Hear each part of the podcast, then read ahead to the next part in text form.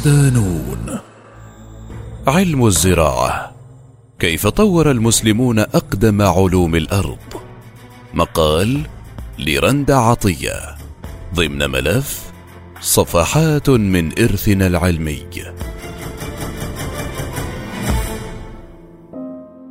أولى المسلمون الأوائل أهمية فائقة للزراعة كونها إحدى ركائز الاستقرار والتعمير التي حث عليها الدين الإسلامي لإعمار الكون واستمرار الحياة البشرية. لذا جاءت عشرات الآيات من القرآن الكريم والأحاديث النبوية الشريفة تدفع المسلمين دفعا للحرث واستخراج ثروات الأرض. ورغم ما احتلته الزراعة من أهمية لدى شعوب الأرض قبل الإسلام إلا أنه وبعد نزول الوحي تغير الوضع شكلا ومضمونا. حيث تجاوز الأمر حاجز الزراعة التقليدية من أجل الحياة إلى إثراء الخارطة الزراعية العالمية بالعديد من الإسهامات والإنجازات والتي كان لها دورها المحوري في تنمية هذا المجال وتحقيق أقصى استفادة منه.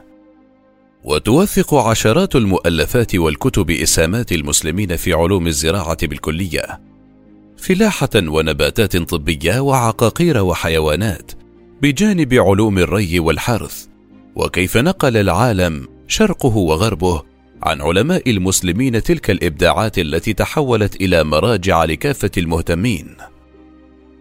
أقدم المعارف البشرية. تعد الزراعة الحرفة والمهنة الأولى التي امتهنها الإنسان منذ قديم الأزل وقد شهدت عدة تطورات مع تقدم الخبرات ومع الطفرة العلمية والتكنولوجية التي شهدها العالم منذ منتصف القرن الخامس عشر وحتى اليوم. ويفرق العلماء بين مصطلحي الزراعة وعلم الزراعة. فالأول يشير إلى الأنشطة التي يقوم بها الإنسان لتغيير بيئة الأرض والحيوان لخدمة أغراضه الحياتية من الحصول على المحاصيل والإنتاج السلعي. أما الثاني فهو ذلك العلم متعدد التخصصات الذي يتضمن خليطا من العلوم الاجتماعية والطبيعية والاقتصادية والدقيقة. وتسعى العلوم الزراعية بشتى أنواعها النظرية والتطبيقية إلى بحث وتطوير التقنيات الإنتاجية وتحسين الإنتاجية الزراعية من ناحية الكم والكيف فضلا عن تحويل المنتجات الأولية إلى منتجات المستهلك النهائي. بجانب منع التاثيرات الضارة وإصلاحها.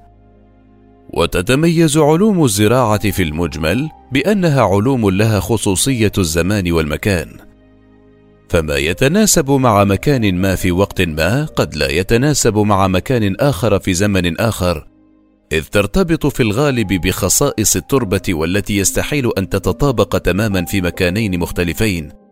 وهو ما أطلق عليه البعض علم دراسة المناطق البيئية كاحد مكملات علوم الزراعة واستخدم مصطلح علم الزراعة لأول مرة خلال الثورة العلمية التي شهدتها الولايات المتحدة عام 1887 عبر قانون هاج الذي ساعد المزارعين في معرفة مكونات السماد الصناعي. تلاه قانون سميث هيوز عام 1947 ثم حزمة من القوانين الأخرى التي دفعت قاطرة الزراعة إلى الأمام عبر تطبيقات علمية ساهمت بشكل كبير في تحويل الزراعة من مجرد أنشطة حياتية إلى علم تنفق عليه الدول ميزانيات باهظة لتحقيق الاستفادة المرجوة منه، لا سيما بعدما تحول الغذاء إلى أمن قومي لا يقل أهمية عن مخاطر الحروب والأزمات. وفي القرنين الماضيين وبفضل التطورات التي شهدتها علوم الزراعة وإدخال تكنولوجيا الحاسوب ظهر على السطح مجالات علمية جديدة منبثقة عن علم الزراعة الأم. أبرزها الهندسة الوراثية والفيزياء الزراعية. ونظرا إلى ما يمثله علم الزراعة من أهمية وقيمة إنسانية كبيرة بات من أكثر علوم العالم تنوعا وثراء إذ تجاوزت المجالات المنضوية تحت هذا المسمى عشرات المجالات منها الاقتصاد الزراعي والهندسة الزراعية والجغرافيا الزراعية والتسويق الزراعي علم الحيوان علم النبات الزراعة المائية الهندسة الوراثية العلوم البيئية علم الغذاء والتغذية البشرية والري وإدارة المياه علم التربة وإدارة المخلفات. محطات بارزة. وضع المسلمون الأولون اللبنة الأولى لتدشين مفهوم جديد للزراعة يقوم على أيديولوجية الاستقلال الاقتصادي وهو ما يمكن قراءته في العبارة التي قالها الفاروق عمر بن الخطاب رضي الله عنه حين رأى يزيد بن مسيلمة يغرس في أرضه حيث خاطبه أصبت استغن عن الناس يكن أصون لدينك وأكرم لك عليهم. وهو التوجه الذي امتد إلى الحفيد عمر بن عبد العزيز رضي الله عنه حين قال ازرعوا على الأرض بنصفها بثلثها بربوعها إلى عشرها ولا تدعوا الأرض خرابا. ومن قبلهما النبي عليه السلام الذي كان يحض المسلمين على الزراعة قائلا التمسوا الرزق في خبايا الأرض. وفي عصر الخلافة الراشدة كانت المدينة المنورة واحدة من أزهى مزارع شبه الجزيرة العربية حيث اكتست بالبساتين والمحاصيل وفاض منها الخير الكثير وتحولت المدينة من منطقة تجارية إلى زراعية حيث كان ينتهج الخلفاء سياسة منح المسلمين أراضي لزراعتها واستصلاحها فعم الخير على الجميع. وكانت معرفة المسلمين بالنهضة الزراعية بداية العصر الأموي بين 662 و 750 للميلاد حيث بدأوا استخدام طرق الزراعة المتنوعة من شق الترع وإصلاح للمجاري وانتشرت في ذلك العصر زراعة الحبوب والتمور والقطن بجانب أشجار الزيتون والكرمة وكان للخليفة هشام بن عبد الملك عشرات البساتين المثمرة التي كانت عنوان هذا العصر. واستمرت قاطرة التطور الزراعي خلال العصر العباسي بين 750 و 1517 للميلاد، حيث انتشرت مهنة الفلاحة التي كانت على رأس المهن المهمة في ذلك الوقت. واشتهر هذا العصر ببناء البساتين التي تستخدم في تزيين المدن والقصور وعليه بنى المعتصم مدينة سامراء التي كانت عبارة عن تحفة زراعية لا مثيل لها في ذلك الوقت. ولأول مرة في هذا العصر يدخل المسلمون الفلاحة التجريبية في نشاطهم الزراعي، حيث استعانوا بما كتب عن الزراعة في الثقافات الأخرى والتي نقلوها عبر الترجمة التي انتشرت وقتها، فأضفوا الصبغة العلمية التطبيقية على العملية الزراعية ابتداء من مرحلة الحرث وصولا إلى الحصاد والتخزين مرورا بالري ومحاربة الآفات والأمراض.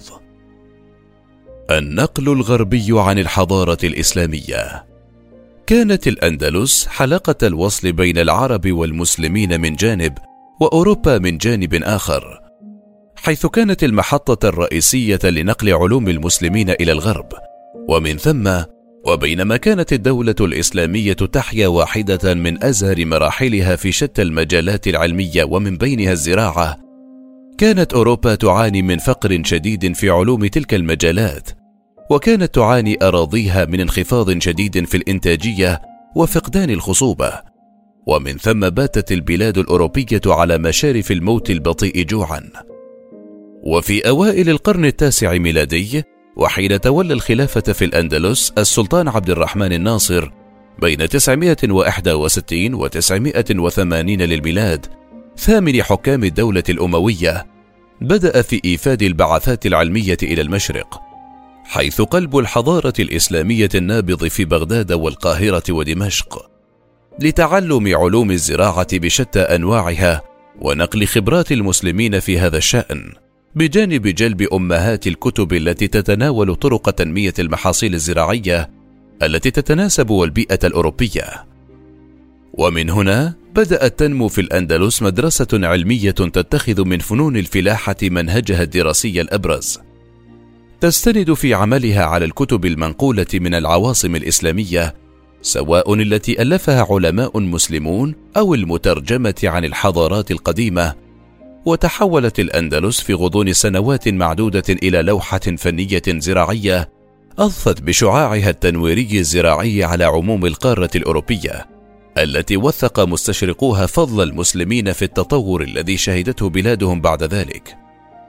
وليس هناك أدل على هذا التأثير الكبير للحضارة الإسلامية في الزراعة الغربية مما قاله البروفيسور الفرنسي شارل سينوبوس في كتابه تاريخ الحضارة حين كتب يقول جرى أمراء العرب على أصول إسقاء الأرض بفتح الترع فحفروا الآبار وجازوا بالمال الكثير ممن عثروا على ينابيع جديدة ووضعوا المصطلحات لتوزيع المياه بين الجيران ونقلوا إلى إسبانيا أسلوب النواعير لتمنح المياه والسواقي التي توزعها وإن سهل بلسنه الذي جاء كأنه حديقة واحدة هو من بقايا عمل العرب وعنايتهم بالسقيا. كما أن العرب استعملوا جميع أنواع الزراعة التي وجدوها في مملكتهم وحملوا كثيرا من النباتات إلى صقلية وإسبانيا وربوها في أوروبا فأحسنوا تربيتها حتى لا تظنها متوطنة. وذلك مثل الأرز والبطيخ والقنب والمشمش والبرتقال والكبار والنخيل والهليون والزعفران والبطيخ الأصفر والعنب والعطر والورد الأزرق والأصفر والياسمين بل والقطن والقصب. رواد علم النباتات. يصنف المسلمون بأنهم رواد علم النباتات والعقاقير فإسهاماتهم في هذا المجال لا ينكرها منصف وأمهات الكتب التي يعتمد عليها باحث العقاقير في كبرى الجامعات الغربية توثق تلك الإسهامات بشكل واضح إذ إن معظمها لعلماء مسلمين إما نصا صريحا مترجما أو نقلا عنهم في تلك التي ألفها علماء أوروبا. يؤكد المؤرخ الدكتور عبد الحليم عويس في مقال له أن اهتمام المسلمين بعلم العقاقير والنباتات الطبية يعد الأسبق عالميا لافتا إلى أن علماء المسلمين لهم السبق في دراسة علم النباتات بمعناه الحديث. العلم الذي يبحث في أنواع وخواص وأشكال وعجائب ومضار وفوائد النباتات. ورواد هذا العلم في أغلبهم مسلمون على رأسهم ابن جلجل وابن وافد وابن سمجون والغافقي وابن ميمون. ويستعرض عويس أبرز الجوانب التي اهتم بها المسلمون في دراسة علم النبات منها تحديد أسماء وأصول النباتات وترتيبها كذلك. أيضا دراستها جهة الزراعة والأصناف المناسبة وأنواع وخصائص التربة المثالية لزراعتها. هذا بخلاف بحث تلك السلالات النباتية التي اكتشفها الرحالة المسلمون. وأخيرا دراسة النباتات المستخدمة في صناعة العقاقير وهو المجال الذي أثار إعجاب صيادلة العالم وأطبائه ومكتشفيه. وبدأوا في النقل عنه والاستفادة منه في ضوء الاكتشافات الكبيرة التي توصل إليها علماء المسلمين في هذا الحقل. مكافحة الأمراض الزراعية. ساعد التقدم العلمي الإسلامي في علوم الكيمياء والفيزياء بجانب ما أحرزه من تقدم في دراسة علم الحيوان والعقاقير في التفوق الواضح في مجال مكافحة الأمراض والآفات الزراعية. وهو ما ساعد في زيادة الإنتاجية الزراعية وتقليل حجم المهدر والفاقد بسبب تلك الأمراض. وتعد الأدوات والاستراتيجيات التي وضع المسلمون لبنتها الأولى لمحاربة الآفات الزراعية هي المرجعية الأكبر للمنظومة المتعامل بها حاليا رغم مرور مئات السنين.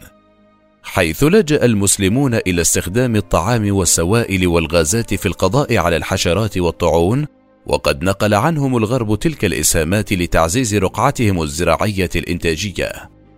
ففي سبيل قتل الفئران والذباب والجراد والكلاب الضالة والقوارض استخدم المسلمون الطاعون السامة. كما استخدموا المبيدات المرشوشة في قتل الحشرات الملاصقة للمحاصيل والنباتات. هذا بجانب استخدام المواد الكيميائيه الطائرة سريعة التبخر لطرد بعض الآفات مثل البراغيث. دون أي آثار جانبية ضارة على المزارعين. كما يعد العرب والمسلمون أول من استخدموا المبيدات الحيوية في اليمن قبل آلاف السنين. فحين انتشرت الحشرات التي تفسد النخيل والتمر لجأوا إلى استخدام النمل الصحراوي المفترس والذي يتغذى على تلك النوعية من الحشرات. وبذلك نجحوا في حماية محاصيلهم دون أي أضرار محتملة على الإنسان أو الزرع. رواد المسلمين في الزراعة. اثرى العلماء المسلمون المكتبة الإنسانية في مجال العلوم الزراعية بمئات الكتب.